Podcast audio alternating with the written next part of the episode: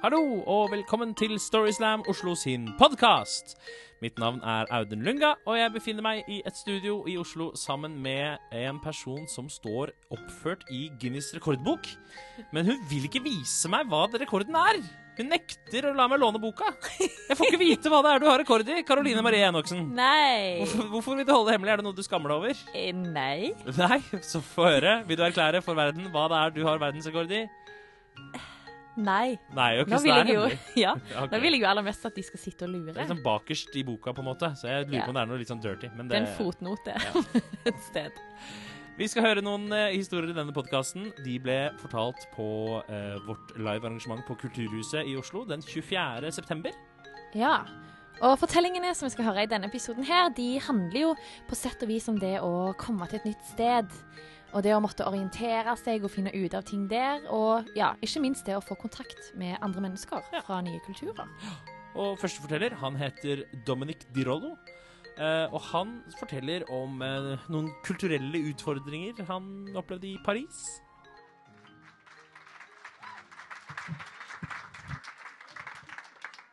Uh, just let me thank you in advance for listening to me talking in English. It's really nice of you. I realize it's kind of a bold thing to do to walk into a room full of Norwegians and insist that you listen to me talking in English for eight minutes. So thank you so much. Um, it's not the first time I've been in this situation. Actually, a few years ago, I moved to Paris to study uh, at university. Uh, that would have been fine, but I didn't know any French. No French whatsoever. Um, so I was understandably really, really nervous. Uh, I remember the thing that was really, really uh, nerve wracking was the idea of that first day. The idea where that eventual moment would come where you have to introduce yourself to a group full of, uh, of people. Uh, I remember going on Google Translate to try and find what I was going to say. I typed in, My name is Dominic, and obviously that was simple enough. Je m'appelle Dominic. Uh, and then I thought I would get a little bit more fancy. I thought I would say, My name is Dominic. In France, you say Dominique, but in Scotland, where I'm from, Dominique is a girl's name. And uh, I memorized this, and then the first day happened, and it came my turn to talk, and I got up enthusiastically and ready to introduce myself, and I said, Hi, my name's Dominique. Dominique's a girl's name. Sat down, and that really set the tone for the, the rest of the semester. I was kind of weird guy who couldn't really talk French, and no one really wants to be my friend. And it was kind of hard, but eventually someone invited me to a party, and uh, I was really excited. There was a guy from my course. He was doing a Brazilian carnival themed party, so uh, I went into town that day.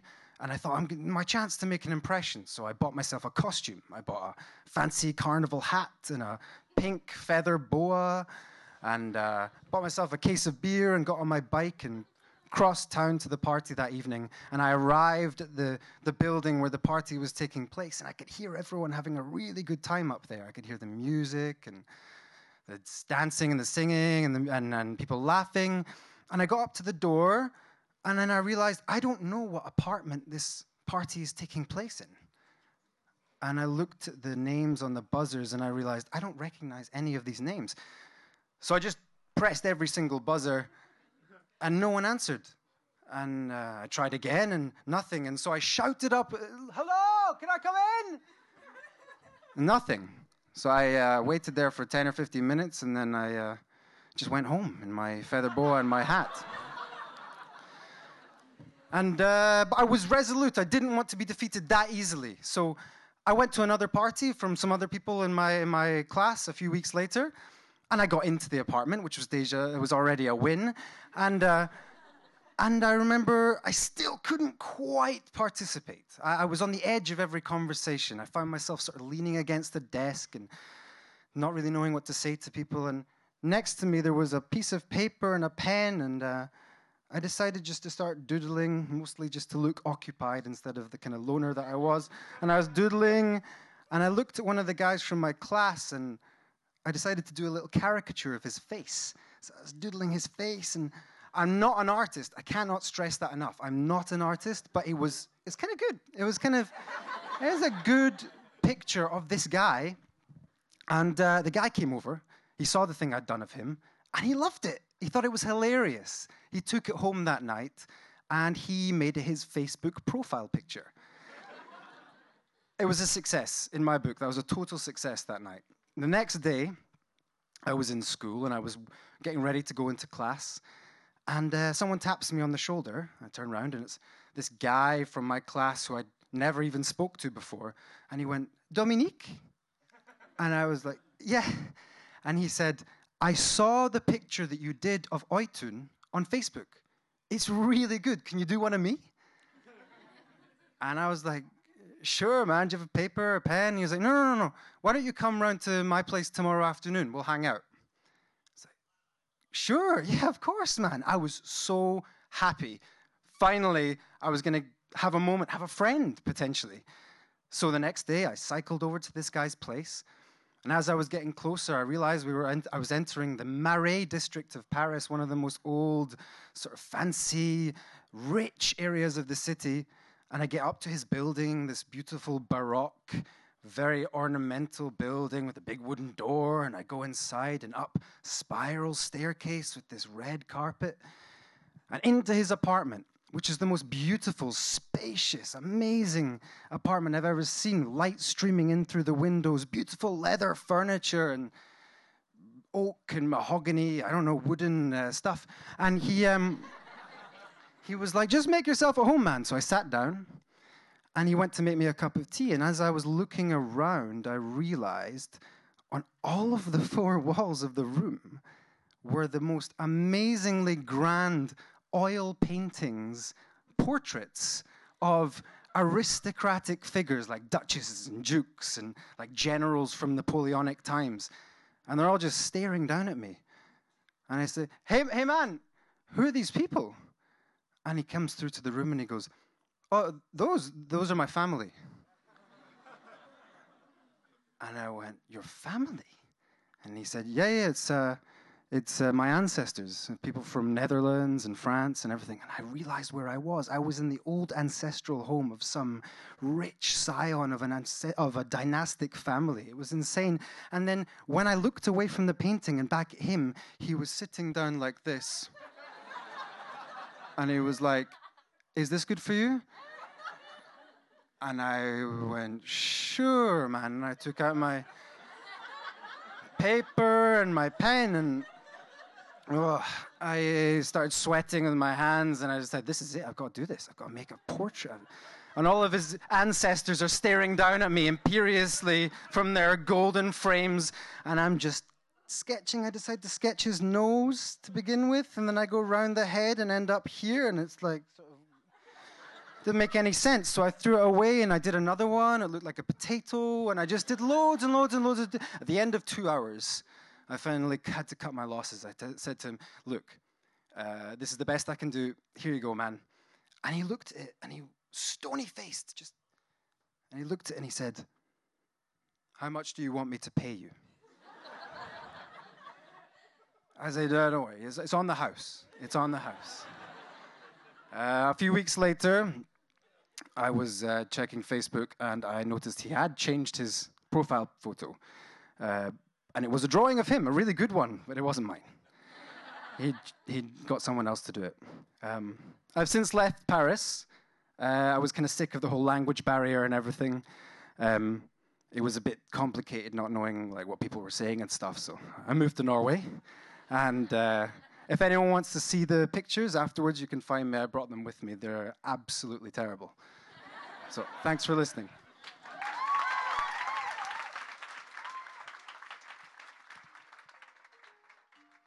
Tusen takk til Dominik. Når man er uh, ute og reiser, så, så, er det jo sånn at uh, reisefølget har jo ofte veldig mye å si. Og folk har jo forskjellige preferanser mm. når man skal ut og reise. Noen er jo veldig glad i å reise alene, mens ja. andre syns det er mest stas å ha noen å reise sammen med. Ja. Så jeg vet ikke med deg, Karoline. Hvordan er det med deg? sånn sett? Nei, altså Jeg syns jo helt klart at det er mest stas å ha noen å reise med. Mm. Ja. Hva med deg? Jeg har ikke noe sted å dra. Så. det er ikke så relevant for, Det er mørkt. for min del. OK. Men neste forteller i denne episoden, Hani Hussein, hun var på en reise, og den ble sterkt prega av et uventa reisefølge.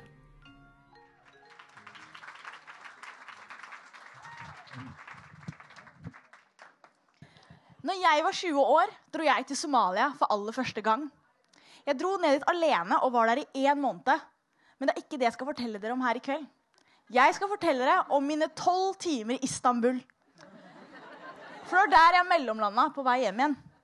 For greia var at Mens jeg var i Somalia, så møtte jeg sinnssykt mange familiemedlem. Det var litt som å være på en episode av Tore på sporet. Det var liksom, Dette er tanta di! Dette er bestemoren din! Det hele ble litt mye. Så jeg hadde gledet meg til å være alene, og endelig var dagen her. Jeg sitter på shuttlebussen på vei fra flyplassen i Istanbul til Hilton hotell. Og På denne bussen så møter jeg en gigantisk somalsk familie. Og jeg sitter tilfeldigvis ved siden av hun eldste, og det er bestemoren. Og hun sier, 'Har du vært i Somalia for første gang? Hvordan var det? Hvilke inntrykk er det du sitter igjen med?' Men jeg klarer bare å si én ting. Jeg skal se Den blå moskeen. For det var det eneste målet mitt med denne mellomhandlingen. Og da hører jeg plutselig to damer bak i bussen si 'Hei, kan vi få være med?' Og det var litt nedtur. Gledet meg til å være alene, men jeg tenker ah, hva er det verste som kan skje? Ja, damer, dere kan bli med. Og når vi står i lobbyen, så sier jeg vi møtes igjen her om én time. Jeg skal bare spise og dusje først. Men før jeg kan få gjort det, så må jeg ha et rom. Og akkurat da så sier resepsjonisten Er dere én familie, eller? Og det er litt dømmende, tenkte jeg.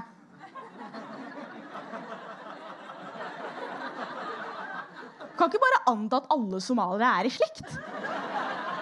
Så jeg rekker opp hånda mi og sier nei, jeg reiser alene. Og jeg får rommet mitt. Og en time senere så er jeg tilbake i lobbyen. Jeg ser meg rundt. Ingen damer. Digg.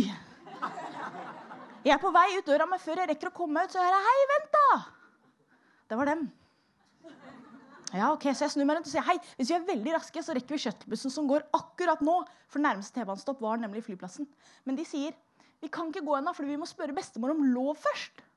Jeg tenkte, Det var litt merkelig, men å spørre om lov, men kanskje de bare respekterer bestemor helt sinnssykt? Og vi er på rommet, og de begynner. Vi skal til Den blå moskeen. Og det er sant. Men så sier de den er rett rundt hjørnet. Er det greit om vi drar? Og jeg har aldri vært i Istanbul før, men jeg tror ikke den er rett rundt hjørnet. Vi kommer oss til flyplassen, vi er på T-banestasjonen, og så spør jeg hun ene du, kan ikke du gå bort og spørre turistguiden om hvordan vi kommer oss til Den blå moskeen. Men da svarer hun vi får ikke lov til å snakke med fremmede. Nei, greit, da gjør jeg det. Så jeg går bort og så får jeg en superenkel vei forklart. Men først så må vi ha T-banebillett. Så jeg går tilbake og sier hei, har dere penger til T-banebillett? Nei, det har vi ikke. Ok, men det går greit, for jeg har 100 tyrkiske lira i lomma. Så jeg går og kjøper en T-banebillett. Jeg kjøper et klippekort hvert ti turer. Trenger jeg ti turer? Nei. Men jeg hadde 100 tyrkiske lira jeg skulle bli kvitt. ikke sant? Så vi sitter på T-banen, og nå begynner klokka å bli en del. Den er halv elleve, og de spør er det lenge til vi er fremme. Jeg har aldri vært i Istanbul, sier jeg. Jeg vet ikke om det er lenge til vi er fremme. Klokka fortsetter å tikke kvart på elleve, og de sier å, bestemor kommer til å bli veldig stressa. Hun kommer til å bli så bekymra. Jeg sier, men hvis bestemoren deres blir så bekymra, så bare ring henne, da. Å, det var en god idé, sier hun ene. Kan vi låne telefonen din? Men greia er at min telefon den ble frastjålet mens jeg var i Somalia, så jeg har ingen telefon. Så jeg sier bruk deres egen. Og de sier vi har ikke telefon. Hvem i all verden har ikke telefon? Klokka blir elleve, og de bare du, Når er det vi er tilbake på hotellet? Vi er ikke fremme engang! Så jeg sier dere, hvis dere er så stressa, så kan vi kanskje ta taxi hjem. Klokka blir kvart over elleve, og vi er endelig fremme. Og idet jeg skal gå av T-banen, så tar hun ene tak i hånda mi. Og så når vi går av, så slipper hun. For det her er rart, ass. Og mens vi går opp trappa, så innser jeg Jeg vet egentlig ikke hvor gamle de er. Jeg har bare antatt at jeg vet det, for hun ene så, så ca. 25 ut. Mens hun andre hun var jeg helt sikker på at var 30. Men for å være på den sikre siden så spør jeg Unnskyld, hvor gamle er dere? Og de sier 12 og 15! De er barn! Jeg har kidnappet to barn, tenker jeg. Vi er i Istanbul, vi har nesten ikke noe penger, vi har ingen telefon. Men alt jeg klarer å få ut, er Vi er så nære Den blå moskeen, ass. Så vi fortsetter å gå, men nå har klokka blitt halv tolv. Solen den har gått ned for kjempelenge siden. Det er mørkt. Jeg ser ingenting. Altså, For alt jeg vet, så var den ikke blå engang. Og da sier plutselig hun ene du, du har lovet oss at vi skal ta taxi. Jeg har ikke lovet noe som helst, men de er barn. Jeg skal ikke stå og krangle med dem. Så jeg går opp til den første taxien og sier hei du, jeg har ved et uhell klart å kidnappe to barn og trenger å komme tilbake til Hilton hotell. Han forstår kun Hilton hotell. Og han klarer å kommunisere til meg at det er to Hilton hotell her i Istanbul. Jeg vet ikke hvilken det er vi bor på, men på et eller annet mirakuløst vis så klarer vi å komme frem til samme Hilton hotell. Tror jeg. Og før vi får satt oss inn i taxi, så sier han dette blir 100 tyrkiske lira. Altså, du, Jeg har 20 tyrkiske lira og et klippekort hvert syv turer på T-banen. Vi setter oss inn. Og dette er første gang på denne turen at de to barna jeg er med, ikke er stressa, for de tror vi er på vei til hotellet. Men jeg vet jeg vet at dette er første gang jeg er i Istanbul. Og i den tiden så har jeg vært på Hilton hotell, T-banen og på flyplassen. Dette er første gang jeg er over bakken. Alt er fremmed. Og vi kjører, og klokka den fortsetter å tikke. Den blir kvart på tolv, vi sitter fortsatt i taxi. Klokka er tolv, vi sitter fortsatt i taxi. Klokka er kvart over tolv, vi sitter fortsatt i taxien. Halv ett begynner han å bremse ned. Here, here, sier han. Og jeg tør ikke å se ut av vinduet. Tenk om dette er feil. Jeg ser for meg orksene. Somaliske Hani Hussein kidnapper to barn. PST lar meg ikke komme inn i Norge igjen. Jeg er blitt fratatt statsborgerskapet. Jeg vet ikke om det kan skje, men i hodet mitt så skjer det med meg.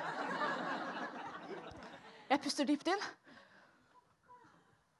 Yes! Det er riktig Hilton hotell. Herregud, jeg klarte det.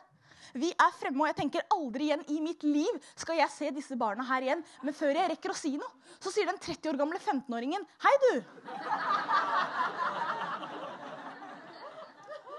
Vi må lyve til bestemor. Hva må vi gjøre? Jo, fordi vi sa jo at Den blå moskeen var rett rundt hjørnet. Så vi må finne på hva vi har gjort fra vi kom tilbake frem til nå. Og her har jeg et valg, ikke sant, folkens? Jeg kan si sannheten, men det er å innrømme at jeg har nettopp kidnappet to barn. Eller jeg kan lyve. Så jeg bare sånn eh, Vi kan jo si at vi har vært på PC-en, da. Ja, det var en god idé, sier den 25 år gamle tolvåringen. Vi sier vi har vært på PC-en. Vi går opp, vi er på vei inn i rommet. Jeg prøver å gjemme meg bak dem, men jeg er 1,83, og de er to barn, så jeg syns. Ikke sant? Og vi går inn, og de begynner på løgnen med en eneste gang. Men hun bestemoren hun bare tar tak i oss. 'Å, jeg er så glad dere har det bra. Jeg ser på alle dere som mine egne, inkludert de to jeg møtte i dag for første gang.' Og da må jeg forklare dere en ting. For i somalisk kultur så er familiebetegnelser ikke beskytta tittel. Alle jenter er søstre, alle damer er tante. Så det jeg innser er at disse to jentene er ikke i slekt. Og den familien jeg møtte på bussen, var ikke en familie. Og da får jeg plutselig litt mer sympati for hun resepsjonisten. Folkens, takk for meg.